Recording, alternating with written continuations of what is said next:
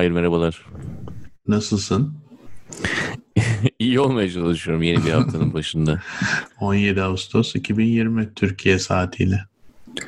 Aynen öyle. Sabahleyin 5.30 burada Evet. Coca-Cola'yla açtım haftayı. Coca-Cola güzel. Zero mu Öyle yoksa alamet değil. şekerli mi? Diyet mi? Norm. Yani original tabii hocam. Hmm, Ben de Nide gazozu aldım. Çok güzel. Nerede satılıyor orada? Evet e, Onurcuğum neler neler yaptım haberin yok. Ne yaptın? Peterson'a gittim Cuma günü. Gerçek. Evet. Bastım gittim dedim yeter ya. Kaç senedir burada yaşıyoruz. Gidelim bir görelim neler oluyormuş. Nasıl bir yer sence? Valla New Jersey zaten. Yani bilen, izleyen, dinleyen e, New Jersey bilenler anlamıştır ne demek istediğimi. Yani standart bir New Jersey havası var. E, ama tabii ne bileyim işte Antepli baklava var. Efendime söyleyeyim Galata Grill var. Star Pide falan. Bu tip yerler var. Taşkın fırın. Arabayı Ee, doldurdun yani sen. Doldurduk evet. Baklava çok iyiydi. Bu arada söylemek istiyorum. Yani 3 ürün hatta 4 diyelim Nide gazozu ile birlikte. Baklavalar, pide, kaşarlı pide muhteşemdi. Çiğ köfte, etsiz, harika. 10 numaraydı. Bunlar Ee, tek at mı hocam yoksa orada Ee, bir kısmını oluyor orada yedik. Evet, pideci çok güzel. Tabii Türkler hemen pratik oldukları için yanda aslında arabayı park edeceğin otoparkı direkt restorana çevirmişler. Kapıyı kapatıp ee, masaları atmışlar dışarıya. Gayet güzeldi yani ortam. Neyse Nide gazozunu da aldım tabii ki yani görünce. Seneler olmuştu içmeyeli. Güzel gazoz gerçekten. güzel ama uyandırmıyor işte. Doğru. Coca-Cola'ya benzemez. oluyor.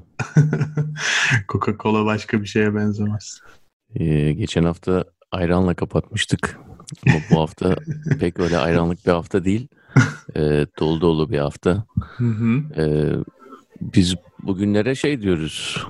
Tam Ne böyle diyoruz? hani Ağustos'un tam ortasından sonra ölü günler ama Hmm. hani uyanmaya o kadar yakın ki. Dog hani- Days. Ölü mü değil mi? Evet Dog Days. Dog Days After, Dog Day Afternoon diye bir film vardı biliyorsun. Hmm, Evet bilmem mi? Geçen hafta da bir filmden bahsetmiştik. Bu hafta da ondan bahsedelim. Al Pacino ve e, Fredo'yu oynayan yani Büyük Baba filminde Fredo'yu oynayan e, aktörün adını unuttum şimdi. Çok genç yaşta ölmüştü. Neyse e, Fredo'nun e, e, ameliyatı için Hı bir para gerekiyor. O ondan dolayı da banka soymaya karar veriyorlar. İki kardeş değil mi? Evet. John Cazale. Baktım Evet. şimdi hı. Evet güzel film. Dog Day Afternoon. Bugünler yani o ölü günler yani sıcak e, ama sonlarına doğru geliyoruz yani ve sonlarına doğru gelmek de aynı zamanda bir hareket demek. Bu hareketin anlamı biliyorsun back to school days yani Evet. okula dönüş. Yaz bitiyor. Geleceğe dönüş gibi okula dönüş. Nasıl olacak? Burada okula dönüş e, olacak diyorlar. Bence şöyle olacak mesela. Amerika özelinde söylüyorum. Türkiye'yi bilemem de. Döneceğiz. Yani ben bir yere gitmiyorum da normal dönen dönecek. Eylül ayında. E, Eylül sonu gibi kapanır yeniden. Öyle düşünüyorum. Çok uzun sürmez yani. 3-4 haftaya direkt hadi herkes eve gitsin diyecekler yeniden. Aç kapa diyorsun. Evet. Yani CDC açıklama yaptı Amerika'da. Herhalde bu kurumda bu kadar şamara olanı bir kurum değildir yani. Ekim, Kasım ayları çok feci olacak diye. Bir şeye bakarak söylüyorlardır diye tahmin ediyorum. Evet yani bir taraftan okula dönüş veya senin teorinde dönme iş. Evet. Diğer taraftan da hareketli bir e, politik zaman özellikle Amerika odaklı ve de aynı zamanda hiç durmayan bu yaz da doğru dürüst duymayan piyasalar. E, piyasalarda da tabii yeni bir e, uyanış olacak her yıl olduğu gibi. Bu sene farklı olur mu? Düşünüyorum. Yani böyle fiziksel olarak seyahatler belli bir oranda tabii kısıtlandı ya. hani o insanın da zihnindeki e, mekanla olan ilişkileri değiştirecek mi acaba? Çünkü normalde insanlar yaz tatiline gidiyorlardı, geliyorlardı. İşte çocuk okula başlıyordu falan. Hani böyle kafada bir takım şeyler vardı yani. E, işaret mihenkleri diyelim. Onlar şu an bu sene çok karıştı yani. Ne nerede belli değil falan. E, onun bir farklı bir etkisi olur mu acaba bu sene piyasalara? Ee, güzel bir nokta bu. Genelde bu alışkanlıklar artık e, içimize işlemiş alışkanlıklardan başka alışkanlıklar doğuyor ve onlarla hareket ediyoruz. Burada doğuracak. Sana esas da daha uzun ve daha kapsamlı bir cevap vermek istiyorum bu konuda. E, fakat şimdi söylersen bir anda böyle e, kalacağız. Onun için bir 15 dakika 20 dakika devam ettirelim. O zaman söyleyeceğim sana bu sorunun cevabını. Hadi bakalım iyi. iyi ben 15 dakika sonra yeniden sorarım sana. ha, aynen 15 dakika sonra tekrar. Unutmayayım sorumu not alayım buraya. evet. Tık tık tık tık tık not alıyor. Peki e, şeyi sorayım istersen madem 15-20 dakika sonra geleceğiz asıl o, o uzun sor uzun cevaplı sorulara. Birazcık böyle şey sorayım, magazin sorayım. E, dolar yükseliyor, endişelenmeli miyiz? Bu sefer biraz endişelenmelisiniz. Evet. Çok güzel ya. O kadar güzel cevap verdin ki. ben magazin diye sormuştum ama gerçekten doğru cevap verdim. ne diyorsun Onur? Yani bu e, bu lakaytlik birazcık hani böyle ben daha önce bu kadar görmemiştim diye tahmin ediyorum. Bana biraz şey geldi. Millet hani böyle birden köpürdü falan. Geçen hafta baktım böyle internette bir şeyler oluyor. İşlerden dolayı da hemen bakamıyorum bazen mesela hani bir video bir şey olunca birkaç saat sonra bakabiliyorum ya da bazen unutuyorum mesela ertesi sabah bakıyorum falan. İzledim inanamadım ya. Hakikaten yani milletin köpürdüğü kadar varmış dedim. Dalga geçer gibi çünkü biraz. yani hani... Dolarla maaş alıyorsun soruyorsun o tür şeylerden bahsediyorsun. Yani genel olarak bütün e, paket olarak evet.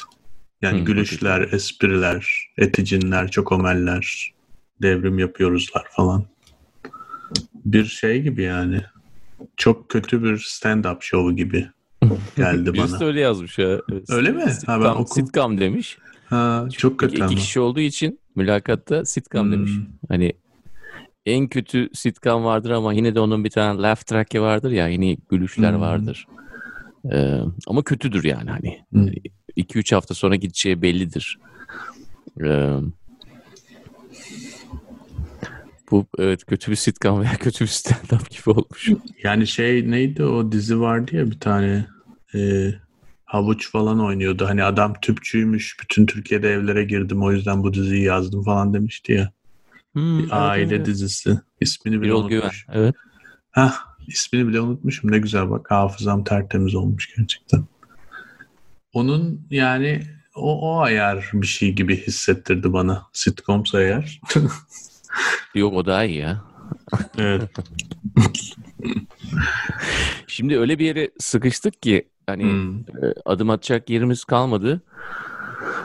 Böyle bir durumda e, insanlar tabii tedirgin oluyor çünkü senaryolar çok şey senaryolar olmaya başlıyor. Yani insan hayatını e, biraz önce bahsettiğimiz o alışkanlıkları bir anda yerle bir edebilecek şeyler olabilecek mi?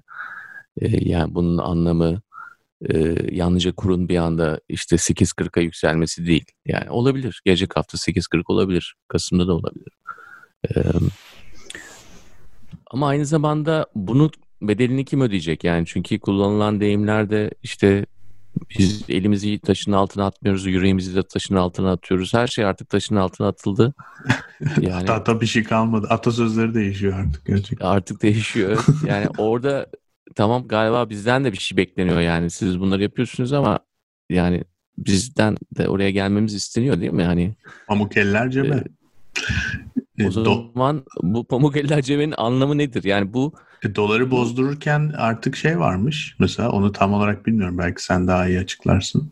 Ya benim mesela diyelim dolarım var şu an İş Bankası'nda. Yok da yani. Türkiye'de hesabım yok zaten ama. E, 5000 dolarım var diyelim. Fazla mı oldu? 1000 olsun hadi. E, Onu alırken bir para ödüyorum sanırım. Ve kuru da çok şey yapamıyorum yani. Banka diyor ki şundan bozdum falan. 6.99'dan bozdum.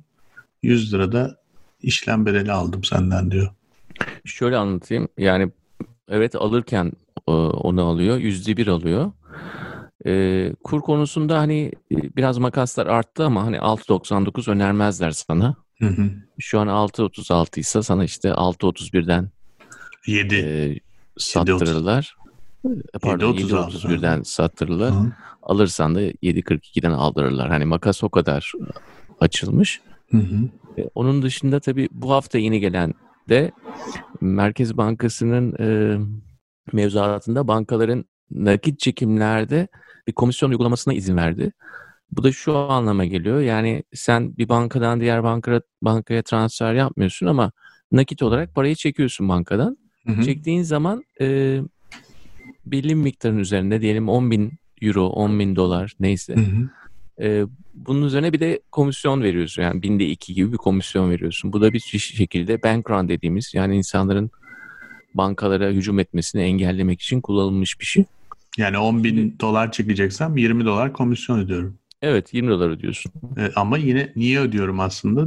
Dünyanın en saçma şeyi tabii ki. Para benim yani. Yani saçma bulabilirsin ama yani açıklamaları şöyle olur. Yani sen bir şekilde e, nakit olarak bir şey alıyorsun. Bu emek demek. Onların hazırlanması, sayılması, seri numaraların not edilmesi, İş Bankası'na gittiğin zaman bütün Hmm. seri numaralarını not edecekler onun. Doğru. E, Yani bu zaten işlem e, miktarına göre değişir. Hani 10 bin dolarda bir yarım saatini yersin. 100 bin dolarda bir saatini yersin. Anladın mı? Böyle bankanın saatini yiyorsun. Hani oradan bir şey olabilir. Biraz Avrupa'yı bir şey esastı bu. Hani, e, Doğru. hani Vakit, oradan vakit onun açıklaması olabilir. Ha, yüzde bir yabancı para aldığın zaman, satın aldığın zaman yüzde bir vermek de bence esas da evet yani fahiş olan o. Bir de işin ilginci ne şu biliyor musun? Yani diyelim dolar aldın sen e, ama euroya çevirmek istiyorsun. Tamam mı? Evet. Sen bunun için doları satacaksın, euroyu alacaksın. Hı hı. Veya pariteden işte dolar euro paritesi olacak ama esas da işlem bir satım ve bir alım işlemi. Dolardan euroya geçerken de yüzde bir veriyorsun. Yani Türk lirasından dolara geçerken yüzde bir verdin. Ondan sonra dolardan euroya geçtin. Arada böyle birkaç saniyeliğine Türk lirasına geçiyorsun ya. Hı hı. Çünkü doları Türk lirasına çevireceksin. Türk lirasından tekrar euro alacaksın. Orada da yüzde bir veriyorsun. Yani buradaki Bunun- mesaj şu galiba parayı ellemeyin demek oluyor. Evet Yani esas en iyi mesaj fazla. değil. evet. Evet. Ellemeyin demek ama aynı zamanda en iyi mesaj değil. Çünkü insanları belli bir köşeye doğru sıkıştırıyorsun. Yani o da elinizdeki dolarları bozmayın demek. Elinizdeki yabancı birimlerin, e, yabancı para birimlerini bozmayın demek. Bu da en iyi mesaj değil esas da. Yani hem ellemeyin ama aynı zamanda e, herhangi bir şekilde Türk lirasının e, yükseldiği bir durum düşün. Pardon, Türk lirasının işte 8.40'a çıktığı bir durum düşün. Hı hı. Orada senin için, için ne olacaktır? Aa, biraz bozayım ya bari diyeceksin mesela değil mi? Hı hı. Normal koşullarda. Bozayım da ben bundan yararlanayım. Zaten Türk lirasını harcıyorum. Bunu bozayım. 8.40'tan sonra düşer işte 7.80'e ben de kazanmış olurum diye düşünürsün %8. Hı hı. Bunu öldürüyor. Yani herhangi bir Böyle herkes yükselmelerde tutacak doları olan Evet. tutacak yani daha da yükselecek. Halbuki- onun tersi bir mesaj vermek istersin yani.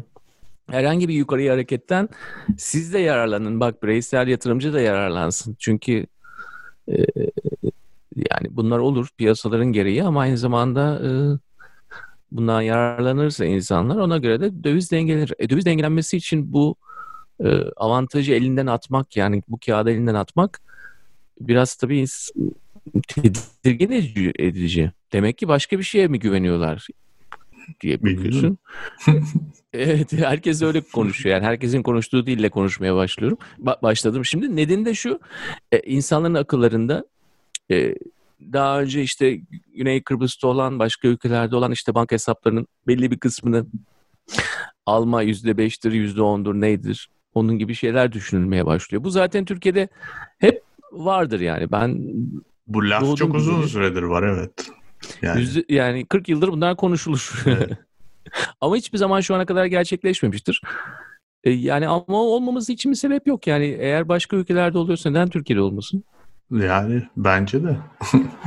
e, bu bunların zaten e, insanların akıllarından geçmesi e, sorun. Yani o, çünkü o beklentilerle gerçek oluşuyor. O beklentileri de yontmak için bu kadar hardwood yöntemlerin kullanılması e tabii bir şekilde insanları e, normal alışkanlıklarından uzaklaştırıyor ve daha muhafazakar hale getiriyor ve daha tutucu hale yani tutucu hale getiriyor. E, bu da e, ekonomik olarak herhangi bir aktiviteyi dizginleyici bir unsur. Böyle bir zamanda böyle mesajlar vermek ister misin bilmiyorum. Bir açmaz var aslında dediğin gibi. Yani bir gerginlik var ortada. Gerginliğin belli e, materyal sebepleri var. Yani boşuna bir gerginlik değil yani. Ben finans bilen bir insan değilim ama okuduğum kadarıyla belli sebepleri olan bir gerginlik var ve o gerginliğin bir sonucu var şu anda. Yani elle tutulur bir sonuç var şu anda. 7-30 olmuş, 8 olur vesaire neyse. E bunun üzerine bir sürü teoriler var ortada. Ne olabileceğine dair. Birçoğu kötü. Evet sen buna karşılık olarak daha da gerginliği fişekleyici şeyler yapıyorsun. Yani o zaman aslında bir açmaza sürüklüyorsun yani herkesi. Çünkü dediğin gibi yani insan aklıma gelen başıma gelir diye bu sefer herkes farklı şekilde hareket etmeye başlıyor. Gerginlik büyüyor. Materyal sebepler daha da fazla tetiklenmiş oluyor gibi hissediyorum. Evet öyle. Yani diğer taraftan tabii gerginlik bir şekilde e, yeme içme gibi. Yani kullanılan bir şey devamlı e, bu tayfa bunu devamlı kullanıyor. Yani gerginliğin yalnızca hani finansal taraftan kullanılıyor. E, işte bu sözleşme çıkacağız mı, ineceğiz mi böyle meseleler ortaya atılıyor. Yani nereden olursa olsun o gerginlikten faydalanılıyor zaten. Ya o bir şey haline gelmiş, yönetim biçimi haline gelmiş. Yani Türkiye'deki rejim değişikliğinden sonra işte 2013'ten sonra diyelim e, belli şeyler farklılaştı. Ama en baştan beri değişmeyen e, günlük siyaset içerisinde ve e, zamanla da devlet idaresinde gerginliğin esas da en geçer akçe olması yani onunla idare edilmesi. Bu da genelde hani biz politika yapmayla devlet yönetme arasındaki bir fark vardır ya hani e, e, birçok ülkede popülistlerle bu farkın ortadan kalktığını görüyoruz. Yani ne oluyor? Adam seçiliyor mesela. Seçildikten ertesi gün yine propagandaya devam ediyor bir sonraki seçim için. Yani e, bu da şu oluyor. Bir taraf daha ağır basmaya başlıyor ve e, propaganda içerisinde esas da hani yapılması gereken o gerginlikleri kullanabilirsin tamam ama bunu günlük yaşantıya yansıtacak bir şekilde devlet idaresinin en önemli silah haline getirmek e, insanları tedirgin ediyor tabii. Yani bu tedirginlik zaten yıllardır devam eden bir tedirginlik. Bu tür durumlarda insanların cebini yakabilecek durumlarda daha artıyor tabii. En büyüğünden en küçüğüne göre yani bütün yatırımcılarda ona göre değişik bir aksiyon alma halleri beliriyor. E, Türkiye'de de bu son iki haftada kendi işte altınla gösterdi. E, insanlar arabalarını, evlerini satıp altın almaktan bahsediyor. Evet. Yani biz yazın başında ne dedik? Hani e, otomobile, ikinci el otomobile bir e, gidiş oldu. Hı-hı. Ondan sonra çok düşük faizlerle bastırılmış faizlerle çok ev satıldı Temmuz ayında. E, bu kadar hızlı zamanlı ilerlediği bir e, devrede de sonra şunu söyleyebilirim. Ya, Ağustos 17 bugün. E, son iki haftada ne oldu? Son iki haftada insanlar gerçekten de evini, arabasını satıp altın alan insanlar var. İnanılmaz. Bu da hani... Hı? İnanılmaz diyorum. Evet. Böyle olduğunu bilmiyordum yani. Evet yalnızca tabii Türkiye değil tabii bunu yani gidip dolar almıyorlar altın alıyorlar. Ee, dünyada da ilgili bir şey. Onun için hani bunun gibi bir haftaya girdiğimiz zaman veya gelecek haftaya girdiğimiz zaman bunun esas da bu insanların yaptıklarının da çok saçma olmadığını görebileceğiz. Ha bu Türk lirası tarafından olur veya altın tarafından olur ama bir tarafından göreceğiz yani bunu. Ağustos bitmeden görmeye başlayacağız. Evet. Zaten bu hafta biliyorsun Biden'a da cevap vereceğimiz bir hafta olduğu için Türkiye olarak. ya, ya. taşın altına yine bir şey her şeyimizi koymamız Bilmiyorum, gereken bir hafta. her şey var. yani kim girmediyse taşın altında olmayan varsa bir zahmet taşın altına girsin artık yani. Anons yapalım ee, bari evet. Bu olay bu arada Türkiye'de benim anladığım kadarıyla tam anlaşılmamış bir olay. Video ve söyledikleri yeni değil. Yani bu böyle bir proje. Evet Aralık ayında. Proje bir olay yani. E, bunu Hı hı. tam olarak böyle e, yani zamanlaması hani amiyane tabirle manidar diyorlar ya. Tam da güzel bir haftaya denk gelmiş. E, güzel yani çok bir malzeme çıkacağını zannetmiyorum. Biden zaten meşgul yani başka işlerle ama e, anladığım kadarıyla hani bizim ekip gereken cevabı misliyle vermiş yani. Şimdi Her şey bir- misliyle veriliyor. Evet ama bir cevap gelmezse karşı taraftan çok bir rüzgar esmez diye tahmin ediyorum. Yani bir şey olması lazım ya hani şimdi e, Türkiye eski Türkiye değil biz kimseden emir almayız lafını çarptıktan sonra karşıdan bir şey gelmesi gerekiyor. E, gelmez diye tahmin ediyorum. Burada da başka yoğunluklar var çünkü bu hafta. E, ama bilmiyorum o var. O enteresan bir olay mesela. E, onun dışında da başka neler oluyor? Lukashenko ne yaptı acaba bilmiyorum. Avrupa'nın son diktatörü. Ha, evet değil mi? Sokak gösterileri vardı bu hafta sonu. Şey gibi hmm, seçimi kazanan kazandığı söylenen Luşak Lu, ne adı- ne adı? Lukashenko. Lukashenko. Çek güreşçi. Hı hı. Şey, Belarus başkanı diyelim. Ee, protestocular onları sarmış galiba etrafını sarmışlar. evet. Yani bayağı kalabalıklar. Hilal bir de, taktiğiyle. evet. Hilal taktiği. Bir de bayrakla geliyorlar tabii o açıdan. Bayrak Çok önemli. da söyleyecek bir şey kalmıyor yani. Hani bunlar vatan haini falan diyemiyorsun. Çünkü adam bayrağı da taşıdığı için e, zor. Yani her gün gidiyorlarmış bilmiyorum. Bir kişi öldü falan onun cenazesi oldu. Öyle şeyler oldu. Yine ne kadar gideceğiz diyorlar ama bakalım. Evet yani Ağustos sonu için yani bu yazı aratmadı gerçekten. Hani Ağustos sonundaki bu son günlerde de e, hareket devam ediyor. E, çok ilginç bir yaz oldu yani bu başından sonuna kadar Daha da bitmedi. Ve daha bitmedi. E, ve dediğim gibi hani önümüzdeki iki haftada birçok şey olacak. E, bahsettiğimiz konularda. Bu da e, gerçekten de 2020 yazının da bilmiyorum şarkı yapılır mı bu yazı ama Yapan vardır herhalde ya. Sezen Aksu boş geçmez bu seneyi diye düşünüyorum.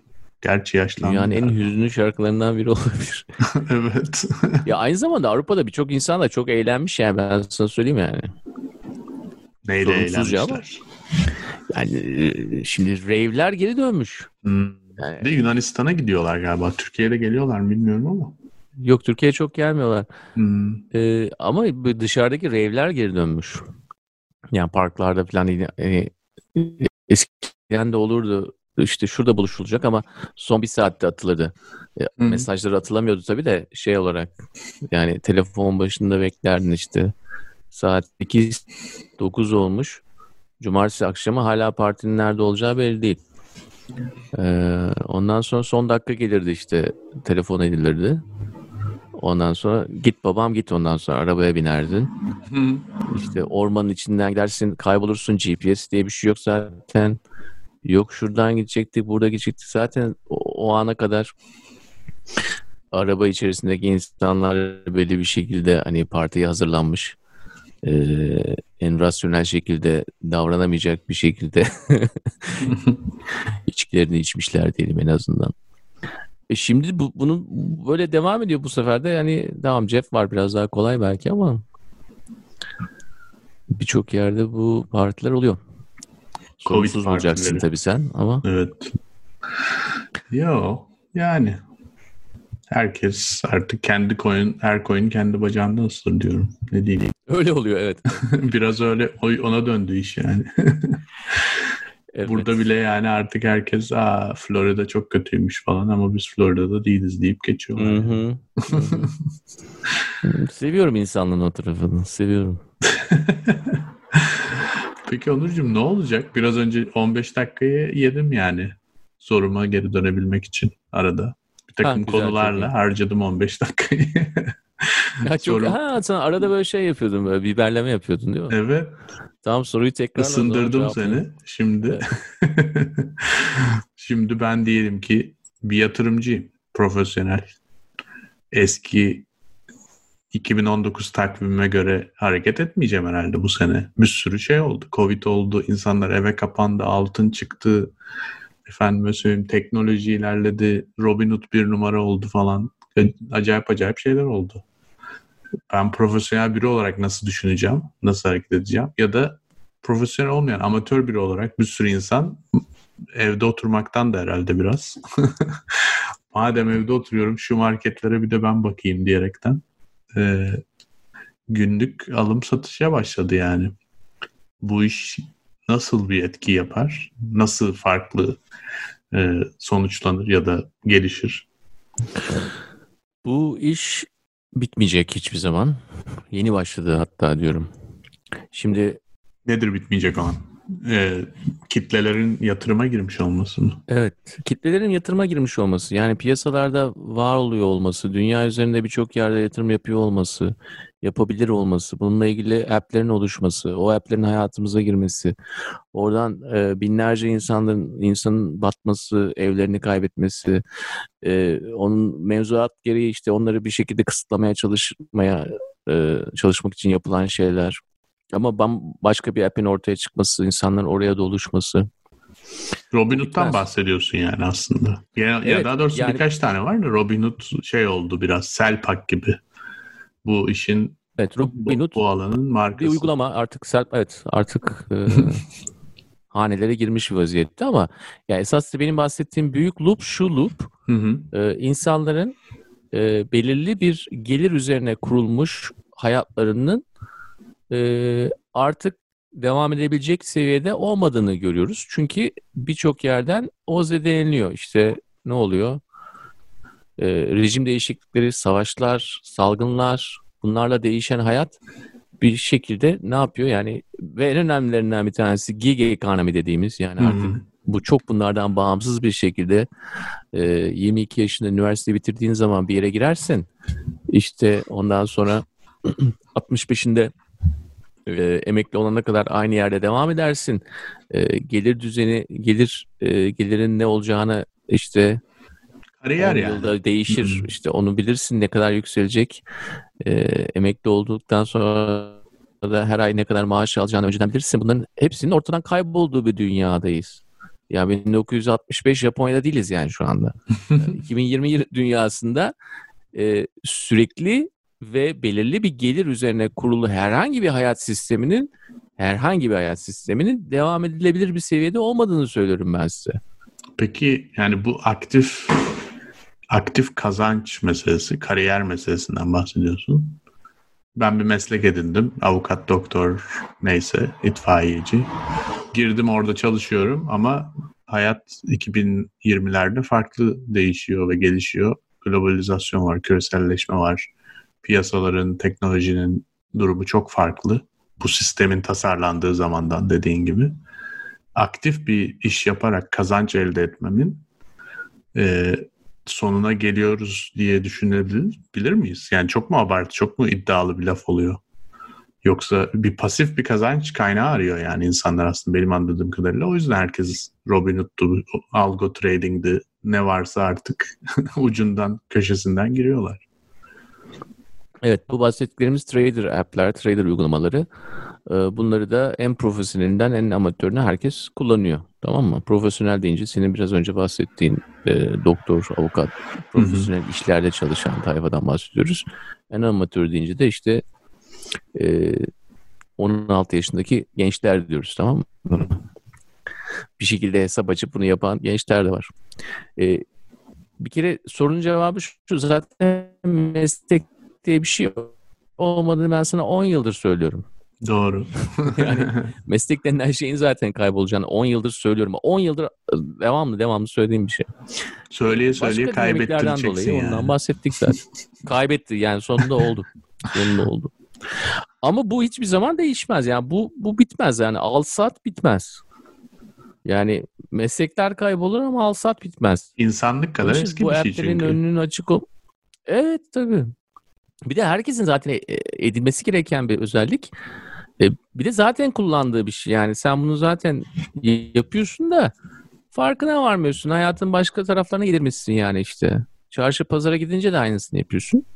Ha belki sat tarafını çok yapmıyorsun. Yanlış alıyorsun gibi geliyor ama sen o al sattaki bütün her şeyi, bütün e, yani o kazanımları e, yapıyorsun yani.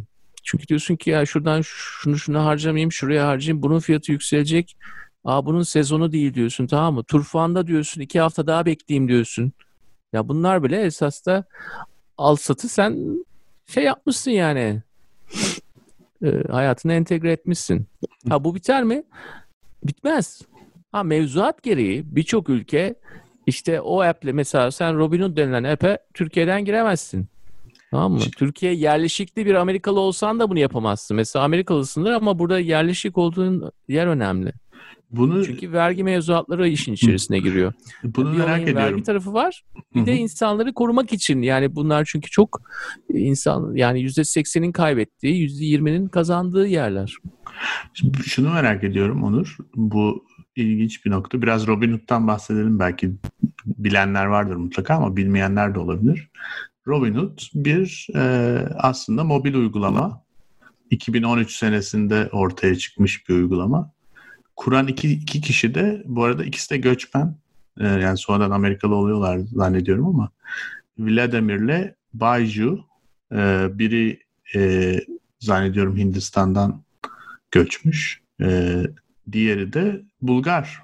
Bulgaristan'dan yani. Komşu e, Vladimir. E, bunlar 2013'te epey başlıyorlar. Başlamadan önce de e, New York'ta çalışıyorlar aslında. Bir takım işte high frequency trading dediğimiz e, HFT bilgisayarların trade yapması üzerine bir takım uygulamalar geliştiren insanlar bunlar ve başlama sebepleri de şu. Normalde işte bu şirketler sen bir alım satım yaptığında 5, 5 dolar 10 dolar arası bir şey alıyorlar senden. Komisyon. Oysa ki software olarak ve işte teknoloji, elektrik neyse ne harcıyorsan yani iş gücü bunun maliyeti bir penny'ymiş yani. Bir sentten daha azmış. Ee, burada inanılmaz bir kar marjini var tabii ki bu işi yapan şirketler için. Bu adamlar bunu görüyorlar. Zaten çok da gençler bu arada.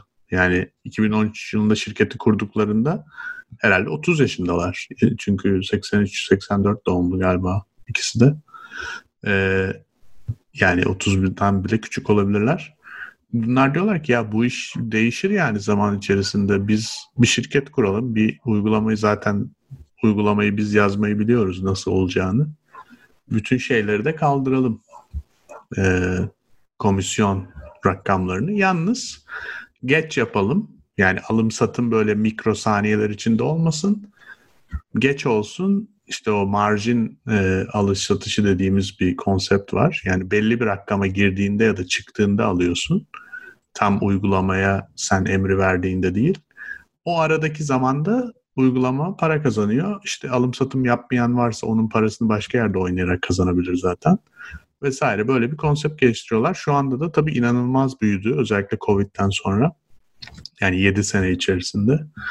Ee, ve en sonunda işte 280 milyon dolar raise ettiler. Ee, Mayıs ayında zannediyorum. 8.3 milyar dolar pre-money valuation yani 280'in de üstüne ekleyelim 8.6 milyar dolarlık bir şirketten bahsediyoruz şu anda. Ee, inanılmaz bir hikaye tabii ama e, bu koronavirüs kime yaradı dersen herhalde bir Zoom'a yaradı en çok bir de bunlara yaramış olabilir. Evet. Şimdi tabii Robinhood'da e, bu notifikasyonlar veya trade yaptığın zaman çıkan şeyler, işaretler de aynı zamanda hani bir oyunu da çağrıştırıyor. Bir oyunun içerisinde gibi hissediyorsun kendini. Hı hı. Hepsi bir oyun tamam. Ama yani o Vegas vari, kumarhane vari e, bizim diğer sosyal medya şirketlerinde konuştuğumuz işte o notifikasyonlar, kırmızı rengin kullanımı gibi şeyler. E, burada artık şey seviyesine gelmiş yani. Al, saat, bunun içinde kal, burada kal, burada kal. Hı hı. Yani artık nötr bir nötr bir hani bir sürü bu, bu tür uygulama var. Birçok bankaları aracılığıyla, aracı klasik uygulamalar evet. Bunların hepsi klasik. Yani senin için varlar. Yani bir fonksiyonu yerine getirmek için varlar ama dizaynları seni daha fazla trade etmeye e, yöneltmiyor. Hı hı. Burada seni Doğru. o sistemin içerisinde kalmak için hani o büyüleyici tarafı yüksek.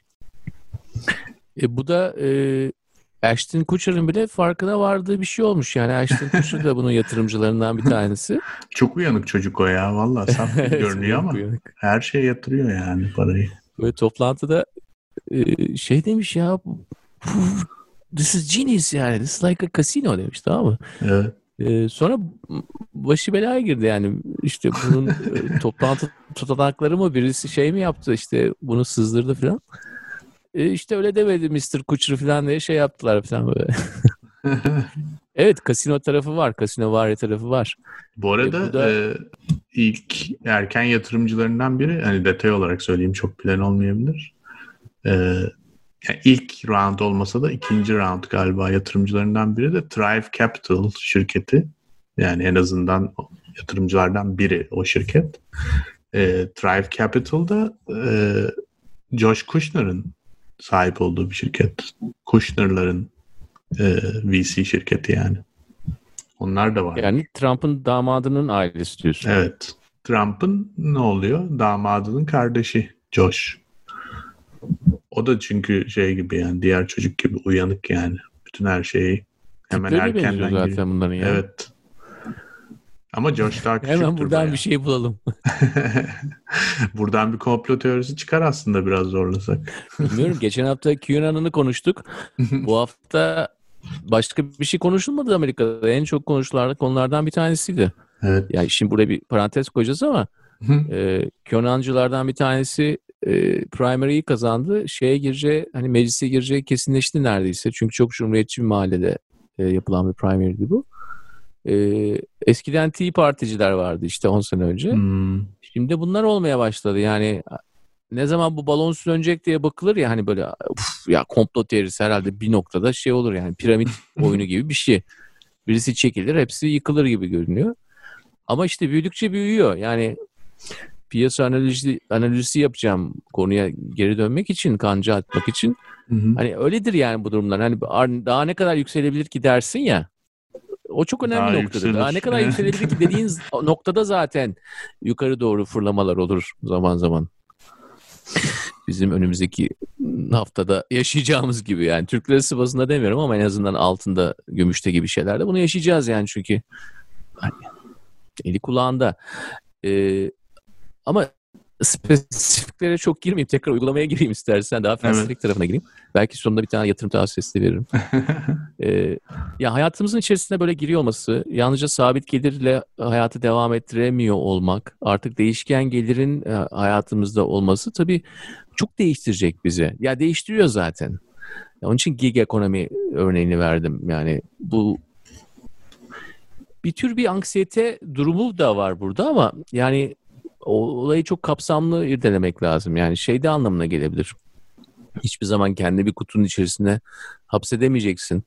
Hep böyle bir çıkış var. Yani yalnızca bu Robinhood gibi uygulamalar değil ki, yalnızca piyasalar değil ki birçok birçok uygulama var. Özellikle gençlere hitap eden çok uygulama var. PayPal account'unla e, şey yapmış. E, PayPal account'un işin içerisinde oyunu oynayarak da para kazanıyorsun. Birbirine işte e, PayPal'dan para gönderiyorsun. Yani oyun oynamak da piyasalar değil bak oyun oynayarak da esas da bir değişken geliri elde edebiliyorsun. Yine seni ekranına bağlıyor tabii. Ekranla bir ilişkin olması lazım ama bu değişken gelirin hayatımızın içerisine girmesi her yaşta oluyor işte. Bu değişken gelir e, konsepti nedir Onur? Belki bilmeyenler olur. Ben biraz önce aktif pasif konusunu açıklamaya çalışmıştım ama değişken gelir ne demek tam olarak? Şu demek yani şimdi bir maaş aldığın zaman senin için riskleri riskleri şey alır. İşveren alıyor belli noktaya kadar. Yani diyor ki Hı hı. o, o, o ay tamamen komisyon bazı çalışmıyorsan o ay 1000 mi kazandık? Yine de senin maaşın 100 diyor. O ay 1200 de kazansa, 800 de kazansa yine sana senin olan kontratı bir maaş üzerine. Yani bir belirli bir gelir üzerine sen hareket ediyorsun. Ondan sonra üzerinden SGK'sını çıkartıyorsun, bilmem ne çıkartıyorsun. Tamam. Net bir gelirin oluyor. Hı hı. Ama e, çalıştığın şirketin e, o, işte cirosundaki aydan aya değişiklikler seni çok ilgilendirmiyor. Değil mi? Yani birebir onunla ilgili bir sorumluluğu Evet, yani. yoksa ilgilendirmiyor. Ee, ama diğer taraftan e, biz gig ekonomi diye bir şeyden bahsediyoruz. Yani hani maaşa çalışmıyorsun ama hani piyasaya biraz serbest meslek gibi çalışıyorsun. İşte o, o hafta 40 saatte çalışabilirsin, 20 saatte çalışabilirsin. İşte iş gelir gelmez bunlar da konuşulur. Diyelim bir tane müzisyensin. Belli yerlerde çıkıyorsun. Ya bir hafta üç yerde çıkabilirsin. Bir hafta yedi yerde çıkarsın. Her gece çalışırsın. Bu da bir değişken gelir haline. Yani sabiti esasta değişkeni şöyle oluyor. Ay sonunda cebine girecek, hafta sonunda cebine girecek rakam e, değişik olabilir. Bunun nedeni de bir yere bağlı çalışmadığın için artık hani gittiğin kadar ne kadar işe gidiyorsan ona göre. Ama orada da tamam risk biraz senin üzerinde biraz ama senin üzerinde olduğu halde bunu kontrol edebilecek bazı unsurlara sahipsin. İşte mekan Hmm. sahipleriyle, müzisyen örneğinden gidiyorum. Mekan sahipleriyle bir bağlantın vardır. Ee, işte onun dışında e, e, bulunduğun şehirde kaç tane böyle kulüp olduğunu bilirsin. Yani bunların hepsi biraz zamanla onun içerisinde yer alacak o çarklardan bir tanesi haline gelebilirsin. Ne kadar gig ekonomi içerisinde olsan da O şey da olur yani. sabitlenebilir diyorsun. Evet ona bir sabitlendiği bir şey vardır. Şimdi bizim bahsettiğimiz yani uygulamalar bazlı e, ve birçok insanın içerisinde olduğu yukarı aşağıya giden ve özellikle de harcadığın zamanla e, cebine girecek rakam arasındaki bağlantının koptuğu yerlerden bahsediyoruz. Hı hı. Yani adam gözlerinin gözlerinin yuvalarından çıkacak kadar piyasaları takip eder. Tamam mı? Bir haftada bin tane trade yapar, al sat yapar. Tamam. Ama para kaybedebilir. Yani Yani- harcadığı zaman hatta birçok araştırma göstermiştir ki zaten yani öyle noktaya geldiğin zaman al satlar zaten hani çok çoğaldığı zaman e, kaybetme olasılığında daha fazlalaşıyor tabii. Tabii. Hata yapma olasılığın daha fazlalaşıyor. Komisyon varsa zaten komisyonlar kaybediyorsun ama komisyon yoksa bile bu Robin Hood örneğinde olduğu gibi e, hata yapıyorsun. Yani bu kadar çok al satı kaldırmaz. E, e, daha çok zaman, daha çok para anlamına gelmiyorsa bu bizim anlayışımızda e, ve toplumun şekillenmesinde bir disruption'dır. Yani bir, bir kesilmedir. E, bunu anlamamızdan bahsediyorum ben. E, onun için sabit gelirle değişken gelir yani hatta bazen de değişken gelir dediğimiz şeyin negatif olması Hı hı. maaştan e, toplamda varlığına geçip varlığındaki artılar eksiler haline geliyor. Yani esas da olayın finansal tarafı seninle daha fazla bütünleşmiş oluyor. Yani gelir bir stream tamam mı? Geliyor aydan aya gelen sana bir bir akış. Hı hı. Gelir akış. Ama varlık akışlardan oluşmuş, girenlerden ve çıkardan oluşmuş. Yani böyle şey gibi bedenin etrafında e, oran vardır ya inanırsan eğer. Varlığında esaslı her an taşıdığın bir şey haline geliyor. Eksisiyle artısıyla. Ve bazı aylar inanılmaz çalışırsın. Eksi olabilir.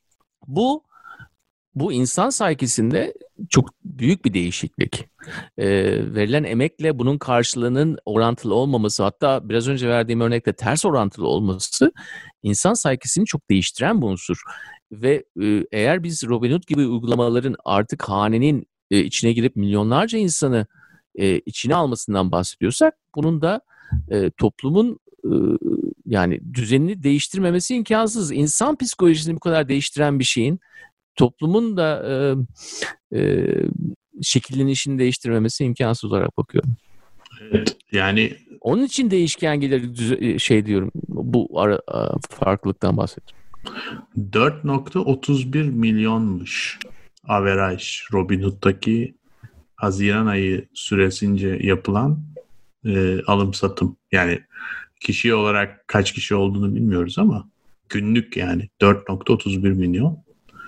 E, sanıyorum Ameritrade uygulaması TD Bank'in değil mi? En eski ya da en baba mı artık en popüler mi nasıl diyelim bilmiyorum.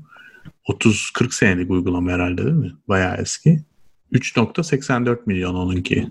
Yani onu geçmiş durumda. Diğerlerini zaten saymıyorum. İşte Charles Schwab'lar, E-Trade'ler vesaire. Onları 3'e 4'e katlamış durumda. Yani, yani dizayn da önemli hocam. Şimdi ben hafta Dizayn çok önemli. Charles Schwab'daki adamla konuştum. İşte beni aradı. Amerika'da bir tane emeklilik fonum varmış yıllarca önceden çalışmaktan. Hmm. Belli miktar birik, birikmiş. İşte aradı Zoom toplantısı yapalım. Tamam yapalım. Çıktım. Ee, zaten Charles Schwab'da çalışan adamın e, evinden yapıyoruz ya toplantıyı. Yani herkes evden çalıştığı için. Evet. Yan evde müthiş bir şey vardı. Ee, ses işte matkaplar falan birçok insan da zaten evini değiştiriyor yani bu arada.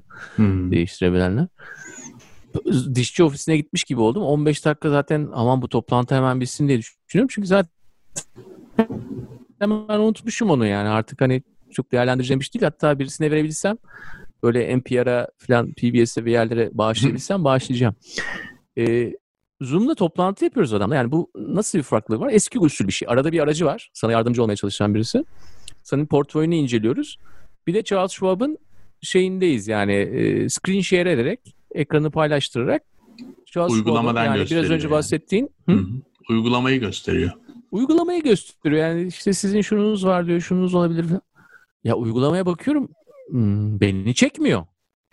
Çok detay var. Çok evet. fazla. yani kutu içerisine kutu konmuş. Şimdi onun içerisine girip ya benim için daha iyi olan şu var onu mu alayım falan. O içimden bile gelmiyor. Bağış yapayım içimden geldi bak. Yani şöyle bir buton olsun orada. Basayım. Göndereyim. E, paranızın işte yüzde yirmisi şeye gitti, devlete gitti. Yüzde seksen. Hatta belki de evet bağış yaptığım için yüzde yüzün de e, istediğim bir yere gidebilir. Yani ben de ne severim? Ya Aklus severim Amerika'da. insanların bağımsızlıkları üzerine dava, kurulu. dava Deli avukatlardan oluşmuş harika bir kurum. ee, ya da işte böyle özgür medya falan severim yani. Başka bir şey sevmem. E, illallah ettirdi. Yani şimdi dizayn çok önemli bir şey. Charles Schwab veya dediğin Amerika, Amerika Trade diye bir şeyler bunlara çok önem vermemiş ki. E senin ya, anladığın konular bir de bunlar. Farklı bir kitleye hitap eden bir durum söz konusu. Şimdi burada aslında olan şey iki farklı şey oluyor diye düşünüyorum. Bir, senin şu anda bahsettiğin e, bir ürünün belli bir kitleye göre tasarlanmış olması. Şimdi bu adamlar Ameritrade uygulaması ya da Charles Schwab ya da E-Trade. Ben bu arada seneler önce E-Trade'de çalıştım yani. Bizim müşterimiz de RJ'deyken. O yüzden konuya da hakimim biraz. E şimdi bunların tasarladığı uygulamalar nasıl bir kitleye hitap ediyordu? Genel olarak bir e, ya finans bilen ya da finans eğitimi almış. Bu sektörde çalışmış ya da bu sektöre yakın bir alanda çalışmış veya hadi en son ihtimal profesyonel olarak e, marketle ilgilenmeye kendini adamış bir insan olman gerekiyordu. Yani bu ne demek?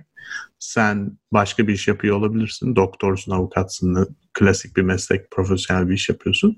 Ama acayip tutkulusun başından sonuna kadar 10 tane 20 tane kitap okuyorsun. Sonra yavaş yavaş al sat yapmaya başlıyorsun. Day trader oluyorsun vesaire vesaire. Yani o kulübe dahil oluyorsun dışarıdan. Böyle bir kitleye tasarlıyorlardı bu adamlar bu uygulamaları.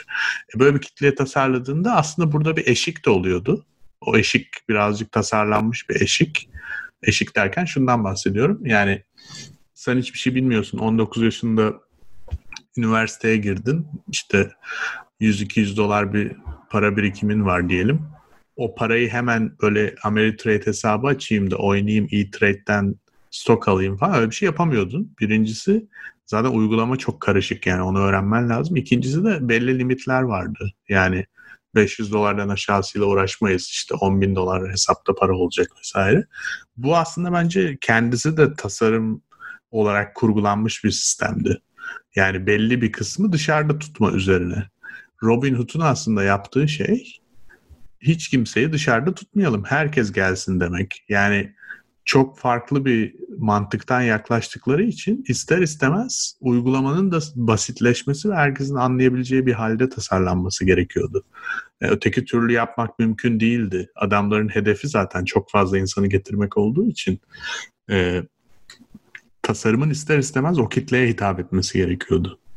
Ama tabii senin de takip ettiğin gibi Onur, e, bu basitliğin de belli dezavantajları var. Çünkü Robinhood uygulamasını kullandığında çok basit e, şeyler görüyorsun. İşte grafikler, işte nedir?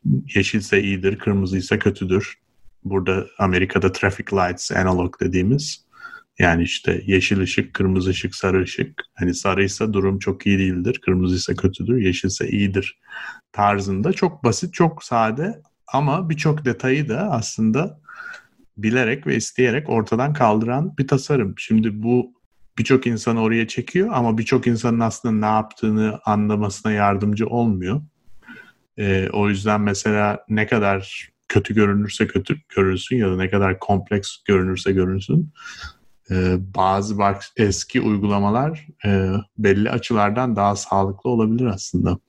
Bence olması gereken ikisinin arası bir yer ama e, biri dediğin gibi çok kasino gibi yani butona bas bahtına ne çıkarsa tarzı bir tasarım. Diğeri de bizimki gizli bir kulüp kuralları bilmiyorsan bu uygulamayı kullanamazsın tarzı. Daha dışlayıcı bir tasarım anlayışı. Evet anlıyorum yani sen konuşurken de onu düşünüyorum zaten. Yani arasının arasının piyasada yeri yok mu? Yani hep ya sınırlayıcı oluyor işte özel kulüp gibi oluyor. Kendini dışarıda bıraktıklarıyla tanımlıyor. Ya da böyle e, hani scale'dan ölçek e, şeyinden özentisinden ve ölçek üzerine kurulu olmasından dolayı da ya böyle şey oluyor. Hmm, bu tür bir dejenerasyon oluyor. Yani Arası para kazandırmıyor olabilir. Arası para kazandırmıyor. genelde öyle oluyor çünkü. yani, yani yapanlara kazandırmıyor değil mi? Evet abi genelde hayatta olması gereken en iyi uygulamalar ya da servisler asla olmuyor. Niye? Çünkü iş modeline uymuyor. Ya ya herkese satacaksın yani ya az kazıklayacaksın, herkesi kazıklayacaksın ya da çok kazıklayacaksın ama sınırlı bir kitleyi kazıklayacaksın. Arada kalırsan e, olmuyor yani genelde iş modeli olarak tutmuyor. Kontrast seviyoruz galiba toplum olarak. Evet. ya Robinhood'la benim problemim yok. Yani hiçbir problem Ne zaman yok. olur? Ama tekel olurlar söyleyeyim sana. Böyle giderse e-trade'i falan satın alıverir yani bir gün. Der ki biz e-trade alalım ya. Bu e-trade çok bir şey değil zaten artık falan. Ya yani bu arada E-Trade alır dediğimiz şirket Şunu de bayağı bir şey. Ya yani. esas da onun monopol olması da e, e, bozmaz. Çünkü hmm. o tür bir monopol olamaz zaten. E, yani başkasına yer bırakmayacak şekilde devam etmesi olamaz. Çünkü bunların hepsi zaten aracı kurum. Yani aracı kurumlar o zaman bankalar da diyecek ki biz kendi uygulamalarımızı kullanmıyoruz. Hı hı. E, Robinhood kullanıyoruz diyecek. Yani yok yok. yani bu bu platformlar olmaz diyorsun. Bir dakika ya düşünmem lazım şimdi. bu kadar Belli çok da ciddiye abi. almıyorum bunu ama belki de daha ciddiye almam gerekiyor. Robinhood bence ciddiye alınması gereken bir şirket öyle diyeyim sana. Çünkü şimdi kripto işine de girdiler biliyorsun. Uf evet. Ya orası zaten tamamen bir kumarhane yani. Orada ne Şimdi, olduğu da belli değil. nedeni de iki neden var tabii. Yani bir ne olduğu belli değil e, işlemlerde. İki e, şey çok yüksek. Yani up and downs çok yüksek. Yukarı ve aşağıya çok fazla gittiği için e, marjlar çok geniş. Orada çok insanı yakabilir. Yakıyordur zaten. Kriptonun bir özelliği vardı şu ana kadar. E, hani anlaması o kadar kolay değil ya. E, hani cüzdanlar var, şunu alıyorsun, şöyle yapıyorsun. Bunun kolaylaşması esasında kriptoya yepyeni insanları çekecektir. Yani Robinhood da bunun bir şey olursa aracısı e, ve aynı oynaklıkta devam ederse e, o zaman çok can yakar. Ama yeteri kadar insan gelirse de o kadar oynak olmaz. Oyna, oyna onu diyecektim evet. Nasıl? Enteresan. Nasıl kurmuşuz sistemi? Hani beğenmiyoruz ama. Evet. Kaosun içinde bir güzellik yani gerçekten öyle bir sistem. Şimdi yani bu platformlar tabii yani artık arttı. Bu arada onu da söyleyelim. Ee, Birçok e, kısıtlayıcı unsurlardan bir tanesi e, e, herhangi bir trade yaparken kendi ulusal koridorların içerisinde hapsolmadı. Bunu yavaş yavaş kıran birçok uygulama var. Bazıları desktop yani daha uygulama haline gelmemiş ama desktop'tan bu şirketler artıyor. E, bu da dünya üzerinde artık senin e, yalnızca para birimleri, metaller, e, opsiyonlar, hisse senetleri bunların hepsini alabilecek e, bir sistem oluşturuyorsun, bir ekosistem oluşturuyorsun. Tabii bu ekosistem içerisinde hareket etmen o kadar kolay değil çünkü birçok piyasayı aynı anda bilmek kolay değildir. Yani birçok trader e, bir tek şeye odaklanır. Yani benim bir trader tanıdığım vardı çalıştığım yerde 97 yılında tam o Asya krizi sırasında. Pek konuşmazdı kimseyle. Böyle kenarda böyle hep böyle takılırdı. Bu adam kim dedim. O yalnızca yen çalışır derlerdi. Aa öyle mi? Suriyeli bir adamdı. Adam yıllardır yalnızca yen trade ediyormuş. Ve yen trade etmenin de yani Japon yeni trade etmenin de şöyle bir özelliği var. Yani yen çok oynak değildir. Hani her gün böyle çok yüzde üç yüksel, yüzde iki in. O tür bir para biriminden bahsetmiyoruz yani. Artık oturmuş bir toplum. E, Amerikan dolarına karşı da hani çok şey yapmıyor böyle. Çok oynamıyor. Ama e, oynadı mı da bir nokta bir tarafa doğru gitti mi de gitmeye başlıyor tamam mı? Durmuyor. Bu adam da aylarca hiçbir şey yapmazdı. Aylarca yalnızca piyasayı takip ederdi. Bir tane trade yaptığını görmezdi. Sonra e, işte 6 ay geçerdi. Bir bakardın adam trade'leri yapmaya başlamış. Sonra diğer trader'lar onun peşine takılırlardı. Çünkü yani bu adam bu trade'i yapıyorsa biz de bu trade'i yapalım. Demek ki ya Japon Merkez Bankası'ndan bir açıklama gelecek. E, artık Japon yeni bir tarafa doğru gitmeye başlayacak. Gittiğince de dediğim gibi geri gelmiyor kolay kolay. E, millet de onun e, şeyine takılırdı. Şimdi balıkçı hikayesi Paçasına gibi geldi bana. Hani böyle belli balıkları tutmak için farklı sabırlı stratejiler olması gerekir ya. Onun gibi evet. geldi. Şimdi al bu örneği. Hmm. Yani balıkçı bu sabırlı saatlerce bekleyen balıkçı örneğini al. 6 ay trade yapmak için bekleyen e, bu adamı al. E şimdi günümüz dünyasına yerleştir. Her an bir yerlerde ışıklar yanıyor. Şunu al, bunu al. Dünyanın üzerinde yen dolar gibi binlerce başka enstrüman var. Ay işte belki onu kaçırıyorum, ondan alayım bunda iyiymiş, duyum geldi falan gibi e, kafan bine bölünüyor. Şimdi böyle bir ortamda trade yapmaya çalışmak ne kadar önündeki sistem e, Robinhood olsun veya başka bir sistem entegre bir sistem olduğu halde dünyanın her yerinde yatırım yapabilir bir sistem olduğu halde senin kafanın işlem gücüyle olan e, orantısına bakmak lazım. Yani sen ne kadarını kaldırabilirsin? Oradaki hangi tür hangi teknik analizleri yaparsın? Biliyorsun yani diamond for, formasyonların tamamlanması vardır işte trading'de. Hı-hı. Belli bir formasyonun tamamlanmasını beklersin. Yani bu fundamental analysis dediğimiz işte e, şirketin şu kadar girdisi var, şu kadar çıktısı var, yeni bir e, icat yapmışlar veya e, ülkede şu kadar yeni bir para girişi olacak, çıkacak gibi şeyler değil. Daha çok e, yalnızca chart'ın kendisine bakıp analiz yaparsın tamam mı? Yani in, inmelere çıkmalara bakarsın. Oradan formasyonlar bulursun. Formasyon tamamlandığı zaman da aksiyonu alırsın. E, bu bile bir analiz değil mi? Yani bu, bu bunu beklemek lazım. Yani analiz yapacaksın. Formasyon tamamlanacak. Ondan sonra adımını atacaksın. Ama kimse öyle bir şey beklemiyordur. Ben Robinhood'u kuruyorum. Burada diyelim 20 yaşında genç bir çocuğum. Amerika'da yaşıyorum. Türkiye'de de yaşamıyorum. Çünkü orada çalışmıyormuş ya. Ee, burada çalışıyor. Giriyorum, veriyorum işte şey ehliyetimi telefondan fotoğrafını çekiyorum. Açıyorum hesabımı. Chat diyorum ki duyum aldım. Ben bu hafta Amazon hissesi alayım.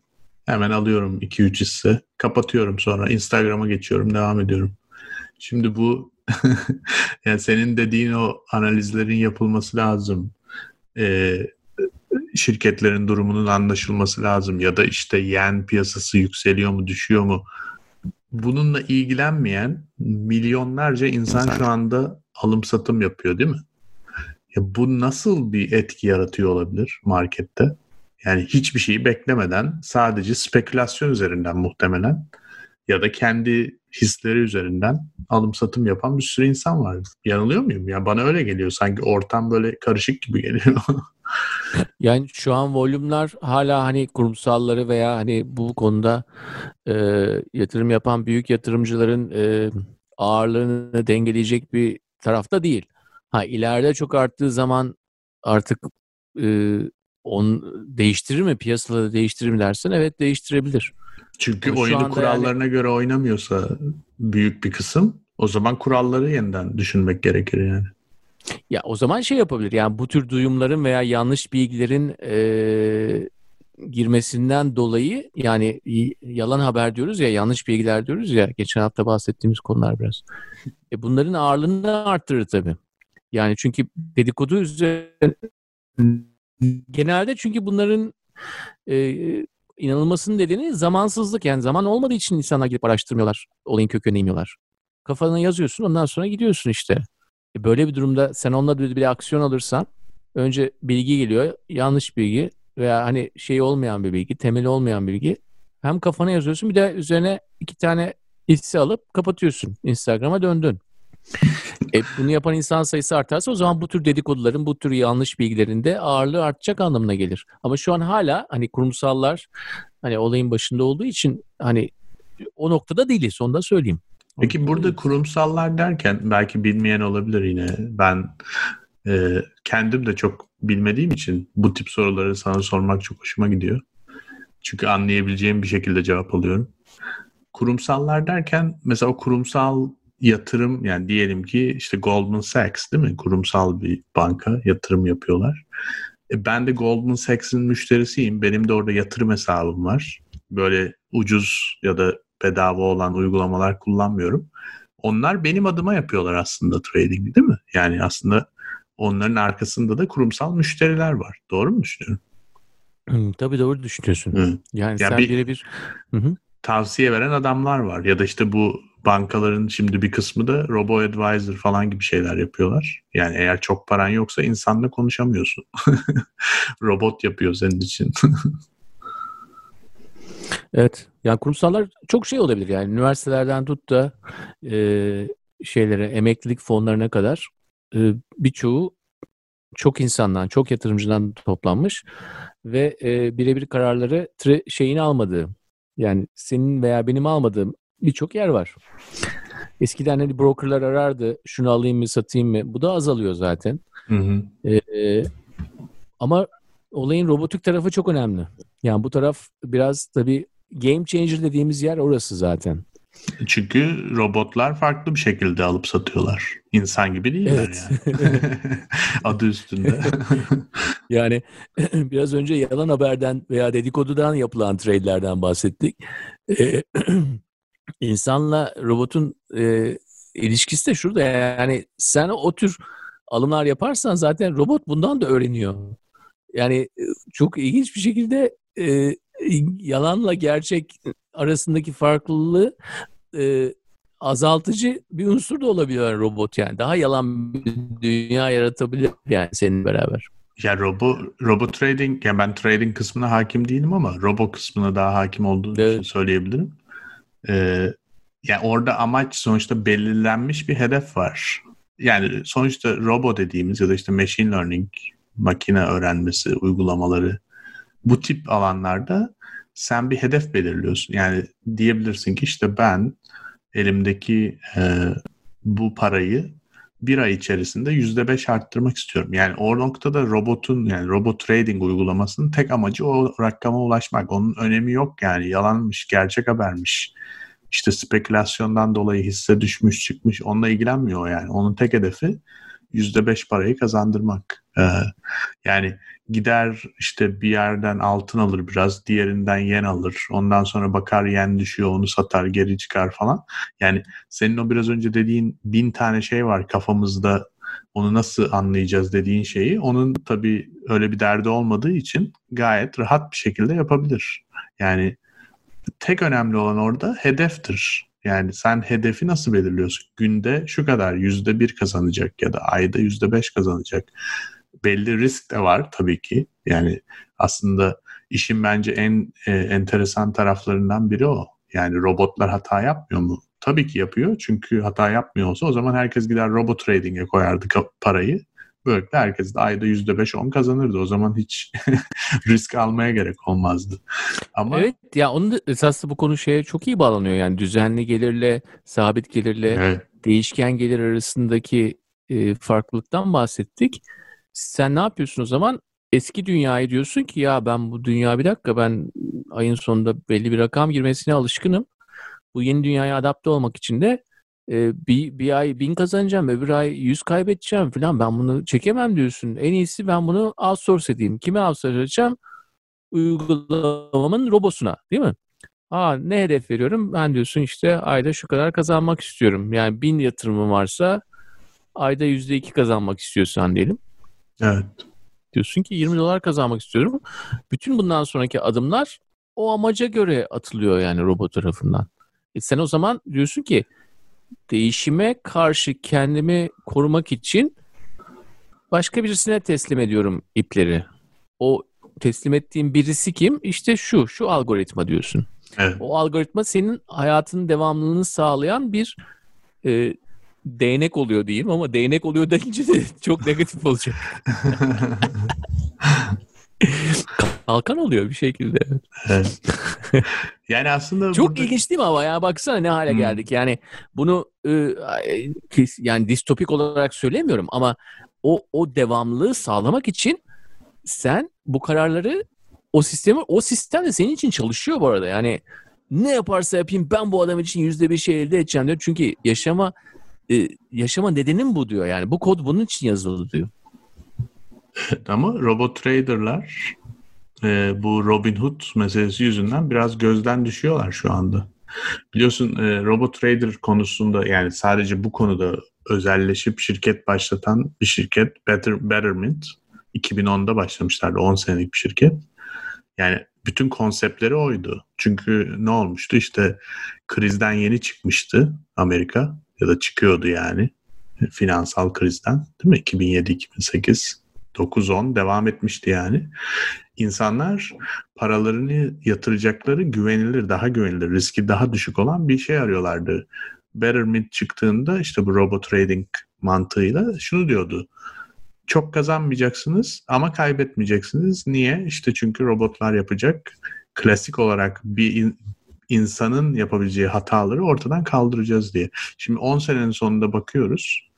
Robinhood'un özellikle bu Covid dönemindeki başarısından dolayı e, CEO'su ya da işte o uygulamanın başındaki bilmiyorum CEO olmayabilir. Bir takım insanlar Betterment'te diyorlar ki biz işte robot kısmını azaltsak mı acaba insan psikolojisi faktörünün bir etkisi var mı? Çünkü orada aslında gerçekten kazanıyorsun ama yani belli marjinler içerisinde e ama çok trafik olmuyor. Alım satım az oluyor. İnsanlar parayı veriyorlar Betterment'e. Tam bekliyorlar sonra. E Şimdi bu çok karlı bir şey değil. Yani ne kadar fazla frekans yüksek olursa alım satım o kadar fazla kazanacak aracı. E, o yüzden mesela öyle şeyler düşünüyorlar. Çok ilginç bir geliyor yani bana. Yani sonuçta hani house always wins kafasında e, bir kumarhane gibi düşünürsek bir yerde bir kumarhane var. Herkes çok kaybediyor ama kumarhane çok kazanıyor. Şimdi burada diğerinde insanlar gerçekten para kazanıyorlar ama kumarhane çok kazanmıyor. O yüzden kumarhane sahibi de düşünüyordur yani. Ben bana ne kardeşim kaybediyorlarsa kendileri kaybediyorlar. Ben kendi parama bakarım diye düşünüyor olabilir. O yüzden robot trading geleceği çok önemli bir e, alan ama bir yandan da bu Robinhood meselesi gerçekten çok şeyi değiştirdi yani algıyı bu konuda. Şimdi bir, ilk önce şunu söyleyeyim. Ee, Hı hı.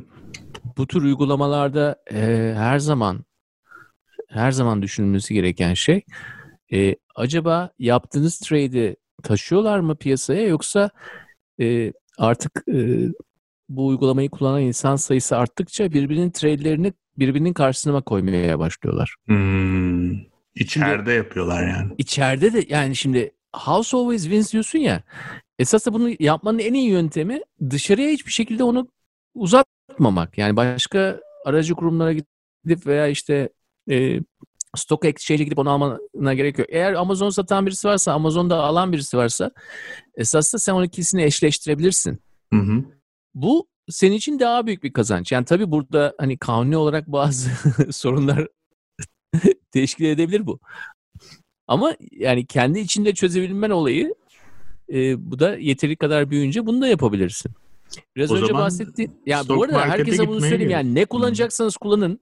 İster Robinhood ya başka bir şey. Bakın yani e, bankanız size karşı pozisyon alıyorsa eğer bu bir sorundur. Bu bir sorundur.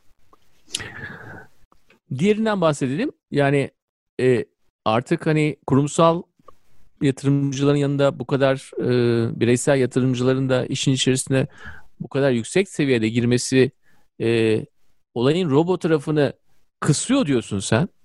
Ama bizim burada bakacağımız ikisinin de artacağı bir bir şey olacaktır. Yani hem robot tarafı artacak hem de bireysel yatırımcıların bu tür app'leri kullanması artacak. Burada sorunsal da şu. E tamam da robo o kadar belki trade yapmayacak, al sat yapmayacak. E, çünkü kazanması için yani hedefe ulaşması için, %5'e ulaşması için ay sonu belki az al sat yapacak. Az al sat yapınca o zaman e, nasıl kazanacak? App'ler bundan nasıl kazanacak? Çünkü yine de komisyon almasalar bile al ve sat arasında bir şey var değil mi? Bir makas var. Evet. Aldığı fiyata satmıyor, sattığı fiyata da almıyor. E, oradaki makası en azından bir kısmını kendine alıyor. E, bu miktar azalırsa eğer hani iyi bir trader olmak için robot onu azaltırsa orada bir çıkar çatışması olmayacak mı? Ee, bir şekilde bu ikisinin entegre edilebileceği başka bir sistem oluşacaktır. Çünkü insanların o sürekli gelire ihtiyaçları var veya e, o riski çok fazla kaldırabilecek yani uzun dönemli o riski kaldırabilecek insan çok yok. Evet, uzun dönemli yani kaybederse bir de. efendim? Bir de kaybederlerse kaldıramazlar zaten. Yani hani çok büyük risk alıyorsan Bak, her gün de alınmaz yani. E, şu anda yani kaybetme olasılığı tabii ki kazanma olasılığından çok daha yüksek dediğim gibi yani olay %80'e 20 gibi bir şeyden bahsediyoruz. Onun için robot orada senin dostun olacak demeye çalışıyorum. Evet. Ya benim e, biraz önce söylediğim şey ben zaten %100 öyle bir şey yapabileceklerini ya daha doğrusu yapmalarının da mantıklı olduğunu düşünmüyorum yani robot traderların. Sadece hmm. Yani işte hani insana daha fazla şey verelim, kontrol verelim vesaire gibi. O zaman robot trader olmuyor zaten. O zaman Robinhood oluyor işte. O tarafa gitmeye çalışıyorlar. Ağızları sulanıyor tabii yani onu gördükleri için ama bence e, geçici bir trend olabilir oradaki mesele. Sayıların artması sana katılıyorum yani. Daha fazla insan bu işe dahil olacak. Şu andaki rakamlar bile küçük yani. Yani 4 4,5 milyon e, alım satıştan bahsediliyor ya. Yani 400 milyon neden olmasın yani 5-10 sene içinde. Tabii olur. Olur. Ama ee, yani robot gerçekten de dostun. Eğer sen bunun içerisinde bireysel yatırımcı olarak olacaksan evet. e, a, sen o algoritmaya veya seçeceğin roboya göre e, karar vereceksin. Yoksa birebir kararları kendine alamazsın. Yani bununla para kazanman hemen hemen imkansız. Bütün hayatını Uzun dönemde kazanman imkansız. Evet. Ya orada the house always wins. Ama sen seçtiğin algoritmaya göre veya o algoritmalar çeşitlenirse işte e, bunlar biraz daha hani artık science fiction filmi yapalım bunu, bilim kurgu yapalım. Onlar biraz daha karakterleşirse diyelim, algoritmalar karakterleşirse, avatarlaşırsa bir tane avatar mesela şey olur, sessiz ve derinden giden yatırımcı olur. Böyle gözlüklü Harry Potter gibi. Öbürü James Dean tipli bir adam olur böyle. Sen artık o avatarları satın almaya başlarsın. O senin yatırımcı avatarın olur sen kimle trade ediyorsun deyince işte Harry Potter'la trade ediyorum dersi tamam ben James Dean'le trader. Yani çünkü her yatırımcı farklıdır. Değişik istekleri vardır hayattan. E, onun neden avatarlaşıp böyle şey olduğunu düş, düşünebiliriz. Neden düşünmeyelim? Olabilir. Ben Harry Potter'ı da istemem ama söyleyeyim. Zeki Müren falan olsun bana. Zeki Müren iyi olur evet. Yumuşak ama etkili bir evet. algo. ee, aykırı ama aynı zamanda uyumlu. Evet. Ve de yaratıcı. Aa, en önemlisi o. Evet. Ama yalnız bir hocam. Peki doğru. Peki Onur bu yani Robinhood ya da vesaire X uygulama X Türkiye'ye gelir mi? Ne zaman gelir? Niye gelemiyor? Açılır mı yani kapılar? Ya da açılmaz mı hiçbir zaman? Güzel bir soru. Yani e, şöyle açayım ya, yani Türkiye... Robin kendisinin e, hmm. uluslararası açılmasından mı bahsediyorsun? Yani evet hem yani bu uygu daha doğrusu şundan sorum şununla ilgili Türkiye özelinden değil de yani mesela Türkiye olmaz atıyorum İsrail olur e, Avusturya olur Belçika olur. Yani bu tip uygulamalar sınırları geçmekte biraz daha işte Instagram ya da Twitter gibi bu uygulamadan çok daha farklı bir kurallara tabi çok, çok tutuluyorlar ya. Tabii tabii. Ya o, o o sınırların kalkması durumu da olur mu gerçekten bir gün? Çünkü şu anda sen eğer ki e, kurumsal bir müşteriysen ya da zengin biriysen tahminim Amerika borsasında oynayabilirsin o ya da bu şekilde. Ama normal vatandaş biraz önceki örnekten yola çıkarsak yani Kayseri'de üniversite okuyan bir çocuk Robinhood kurup da Amerikan hissesi alıp satamıyor şu anda. Ya bu ortadan kalkar mı? Bu değişir mi? Ee, o kadar kolay değil. Yani şimdi bir Twitter'ın, Facebook'un yayılmasıyla bunu karşılaştıramıyoruz. Çünkü yani e, yasalar var. Yani yasalar e, tamam bir kredi kartını koyarsın kredi kartından şey çekerek cash çekerek dersin. Hmm, o bir yere kadar ne kadar çekebilirsin zaten. Ama para hmm, alışverişi konusunda hele de şu anda hani şu an herkes kendi içine tıkılmaya çalışıyor ya. Ya o konuda da çok hassas Bunları olmaya başladılar. Yani ülkenin dışına para çıkmasına karşı da çok hassaslaşacaklar zaten. Zaten hassaslaşmaya başladılar. Ee, orada o yayılma hızını e, azaltıyor tabii böyle bir şey. Yani çünkü yalnızca bilgi alışverişinden bahsetmiyorsun, bir paylaşımdan bahsetmiyorsun. Burada paradan bahsediyorsun. Yani evet. Zaten vergi meselesi var herhalde. Önce onun Ya en önemli lazım. şeylerden biri zaten vergi meselesi. Ve kara para aklama da var tabii. Yani para aklamak için de bir yöntem olarak kullanılabilir. İşte terörizmi desteklemek için olur. Yani bu dışarıdan gelen parayı sisteme sokmak için sisteme sokmanın bir yöntemi olarak gelişebilir. Burada daha çok bence hani Robin Hood'un e, ülke dışına taşması gibi değil düşünmeyin de ülkelerde böyle kendinden böyle uygulamalar ortaya çıkacak mı dersen evet o konuda e, yol açık. O konuda yol açık. E, yani ben Türkiye'de Robinhood gibi bir uygulamaların e, olan mevzuatta küçük değişikliklerle diyelim hı hı. hafif böyle hani şey gibi çıkıp korsan gibi çıkıp ondan sonra kendi sisteme uydurabilecek düşünebiliyorum. Bankaların da biraz şeyini bozar yani. E, business planini bozar. Ama olabilir böyle bir şey. Ama dışarıdan gelen bir uygulamanın burada yayılıyor olması daha az bir ihtimal olarak görüyorum. Güzel. Ee, Türkiye'de var mı böyle bir uygulama? Türkiye'de birçok uygulama var ee, ama bu, bunun gibi hani e, bankalardan e, bağımsız, bağımsız böyle bir şey yok. Birçok yabancılar da esasında Türkiye'ye e, gelmeye çalışıyorlar.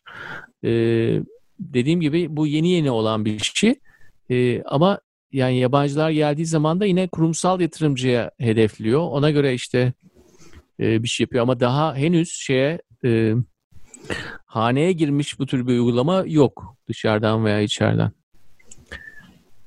Çok ilginç bir zaman. Yani birçok açıdan çok ilginç bir zaman. Yani beni en çok en ilgimi çeken şey şu.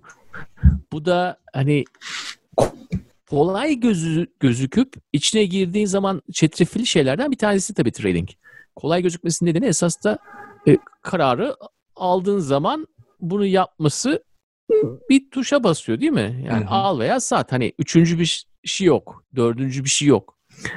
Ama bu al ve sat zaman düzlemi içerisinde gerçekleşiyor. Ne zaman al ne zaman sat. Şimdi ne zamanı da her hiç kimse en tapu veya en batımı yakalayamaz. Ee, onun için orada zaman içerisinde de kendi hayatın da giriyor. Yani tam tapu tam batımı yakalayamayacağın için kendi beklentilerin nedir? Kendi beklentilerine ne zaman girebilirsin? Diğer yerden ne kadar para çekeceksin? Ne zaman çıkacaksın? Ya bu bu çok enteresan bir şey. Ya bunun haneleri iniyor olması artık herkesin bu kararları uygulamalar vasıtasıyla alıyor olabilecek bir dünyadan bahsetmek e, tabii şeyi güçlendiriyor yani ekran dünyasını daha güçlendiriyor. Ve hani pazarlardan biraz önce programın başında bahsettiğim e, o kasları e, hani Türkiye'de de çok e, gelişkin olan kas, kas yani kaslardır bunlar. Onları ekrana taşımış oluyorsun. E, bu da heyecan verici tabii. Yani ama sonra bir örnek veriyorsun diyorsun hı hı. ki kriptolar girdi diyorsun. Kriptolar bu tür şeylere girdi. Şimdi düşünüyorum tabii e, kripto oynayan bir amca düşünüyorum. Almış eline cep telefonu. Bütün emeklilik maaşını o kriptolardan hani alıp satıyor falan. Yani şimdi bu amcanın çok fazla şansı yok. bu amca bu, bu haftadan öbür haftaya okey de yani 2021'i çıkartmaz yani. Yani benim tamamıyla spekülatif olacak ama büyük bir patlama yani sayıda çok fazla artış hem alım satımda hem kullanıcı sayısında hem uygulamalarda senin de biraz önce dediğin gibi eğer o uluslararası sınırlar aşılmayacaksa ki şu an için aşılması zor görünüyor. Büyük bir patlama olduğunu, olacağını düşünüyorum. Zaten oluyor ama daha da büyüyecek yani. İkincisi de Banker Castelli gibi olacak. Yani çok canlar yakacak gibi hissediyorum. Çünkü ekranın öyle bir psikolojik şeyi var. Özellikle küçük cebinde taşıdığın ekranın psikolojik olarak farklı bir e, kumarhane gibi değil yani aslında o açıdan. Çünkü kumarhaneye sen gidiyorsun, içeriye giriyorsun. Oranın bir havası var yani oranın bir atmosferi var. Nerede olduğunu anlıyorsun yani hiç olmazsa. Bunda öyle bir durum yok ya. Biraz önce diyordum ya. İşte oradan bir şey alıyorsun. Hop application uygulamayı değiştiriyorsun. Instagram'da fotoğraf bakmaya başlıyorsun o sıradanlık ve o kolaycılık çok riskli bir şey aslında. Ve o onu hazmedene kadar toplum neyse artık o hazmedme noktası çok canlar yanacağını düşünüyorum ben. Ki şu anda da yanıyordur yani Robin Hood evet bir başarı hikayesi gibi konuşuyor herkes de 4,5 milyon alım satım yapılıyor da ne oluyor yani acaba? O alım satımı yapanların günlük cirosu nedir yani? pozitif midir, negatif midir? Öyle şeyler olacağını bir düşünüyorum. ikinci unsur olarak sana katılıyorum. Hı hı. İkinci unsur olarak da şunu söyleyeyim. Yani biz tabii bu son 5-6 ayda artık daha önceden devam eden trend olan hani iş yapmak ve hani keyif, dinlenme arasındaki sınırların e, ne kadar yavaş yavaş azalmaya başladığını gördük. Yani 10 yıldır zaten bunu görüyoruz. E, ama 5-6 aydır da artık hani evde de iş yapar hale geldin değil mi? Yani çünkü yapıyorsun. Daha da fazla eskisinden daha fazla yapıyorsun. Şimdi bu unsur da işin içerisine getir. Yani cebine taşıdığın bir şey e, senin için bir gelir kaynağı olabilir. Aynı zamanda bir kayıp olabilir değil mi? Yani bu hayatın her evresine sızıyor bir hale geliyor. Artık yani doğum günü partisinde e, selfie çekmek e, seni rahatsız ediyorsa yani bu aile aile rahatsız etmesi lazım. Çünkü bu her türlü diğer insanla girdiğin interaks e, interaksiyon içerisine de girecek bir şey. Nasıl bir insan kafasını toparlayabilir ki eğer e, birisiyle 15 dakika konuşuyor ama 15 dakika içerisinde e, canlı bir trade'i var. O trade'i de e, sağa da gidebilir, sola da gidebilir, yukarı gidebilir, aşağı gidebilir tamam mı?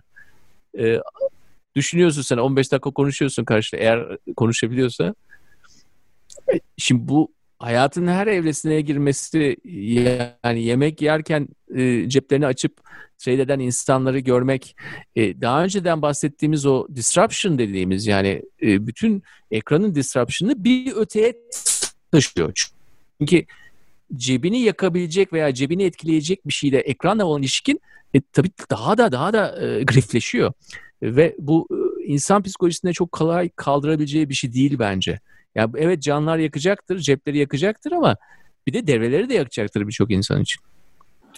O zaman bilmiyorum herkes dikkatli olsun diyeyim ne diyeyim yatırım tavsiyesi vereyim. Sen tavsiye vereceğim demiştin. Sen onu verdi. Onur bu şekilde kapatalım mı? Ha, öyle mi kapatalım tamam.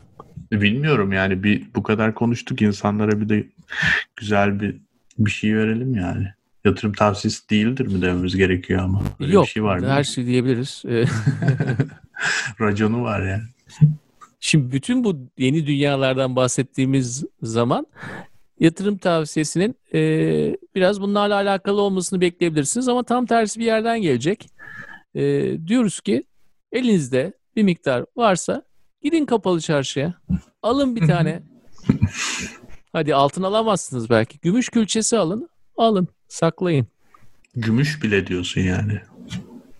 4000 yıldır, 5000 yıldır var. Sen gidip bir külçe alıyorsun.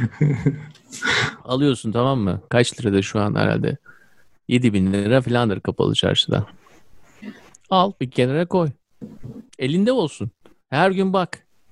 Ekranda bakmaktan daha iyi. Bir dursun bakalım. Ne olacak?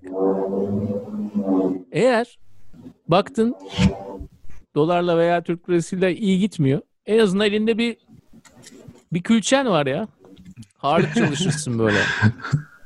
Yani demem o ki bütün bu dünyalar içerisinde eskisi tamamen yok oluyor anlamına gelmiyor. Evet Ağustos ayında Ağustos sonunda 2020'de ben size böyle bir şey diyorum ve diyorum alın bunu yapın.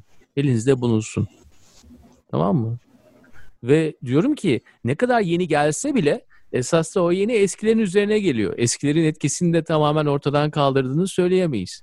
Bitcoin varsa yani bazen 5000 yıllık, 6000 yıllık, 10 bin yıllık metaller de Bitcoin gibi davranabilir. E, o zamanlardan bir tanesine geldik.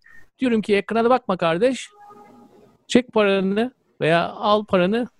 Git oradan kapalı çarşıdan bir tane külçe al. Al sana yatırım tavsiyesi. Gayet güzel. Sonra da beni ararsın iki yıl sonra. ben de buradan bakayım. Diamond District'te vardır herhalde bizim burada. Varsa al. şey gibi oldu bu. Şimdi sonunda şöyle bitirelim. e, bu e, biliyorsun Titan olayı olmuştu 2000'lerin başında hatırlıyor Evet. 90'da. E, onun başında bir adam vardı. E, hatta ceketi olay olmuştu. İzmir'de kendisi için doğum günü partisi vermişti. Ceketi işte bütün gazeteleri düşmüştü zaten. Ondan sonra da e, zincir e, koptu ve çok uzun süre hapiste yattılar. E, Doğru. Uzun süre yani onu aşkın süre hapiste hapiste kaldılar. Ama e, benim kuaförüm de onun kuaförüyle aynıydı. Anlatıyordu bana. Şey diyor. Onur dedi. E, hocam diyor bana. Onur hocam dedi. Geldi dedi işte. Sordum dedi. Hani ben kuaförünüm senin dedi. E, alayım mı gerçekten? Titan'a gireyim mi? Gireyim mi? Durman yanlış. Şu an benim tıraşımı bırak hemen al demiş tamam mı? Şimdi o noktada ve sonunda olanları biliyoruz. Evet. Böyle bir dünya yani gerçekleri yaratacaksın tabii. Yani o bunlarla var ama neyse. 18 ay sonra konuşuruz diyelim. Hadi bakalım. Gidecek misin Diamond District'te? Bakayım ya bilmiyorum. Uncut Gems izledin mi Abi? Patterson'a gitmişsin. Almışsın bir baklava. Tamam mı? Bir de baklava Diamond almışsın. yap diyorsun. Hem bu daha yakın Diamond District'te. Hem de yani Evet. baklava tamam ağzında güzel erir de yani ondan sonra gideceği yer belli. Bizim Onurcuğum bizim, Keyfi yani sürer iki saat en fazla. bizim yakın kuzenleri var. Onlar oradalar. Onlara sorarım. Tamam oldu. Jack'tan zaten mesaj gelmiş dün. Hemen bir cevap verdim. Durmak yok yola devam. Kendisine de buradan selamlar olsun. Hadi. Onurcuğum o Gelecek zaman hafta görüşürüz Mahir. görüşmek üzere.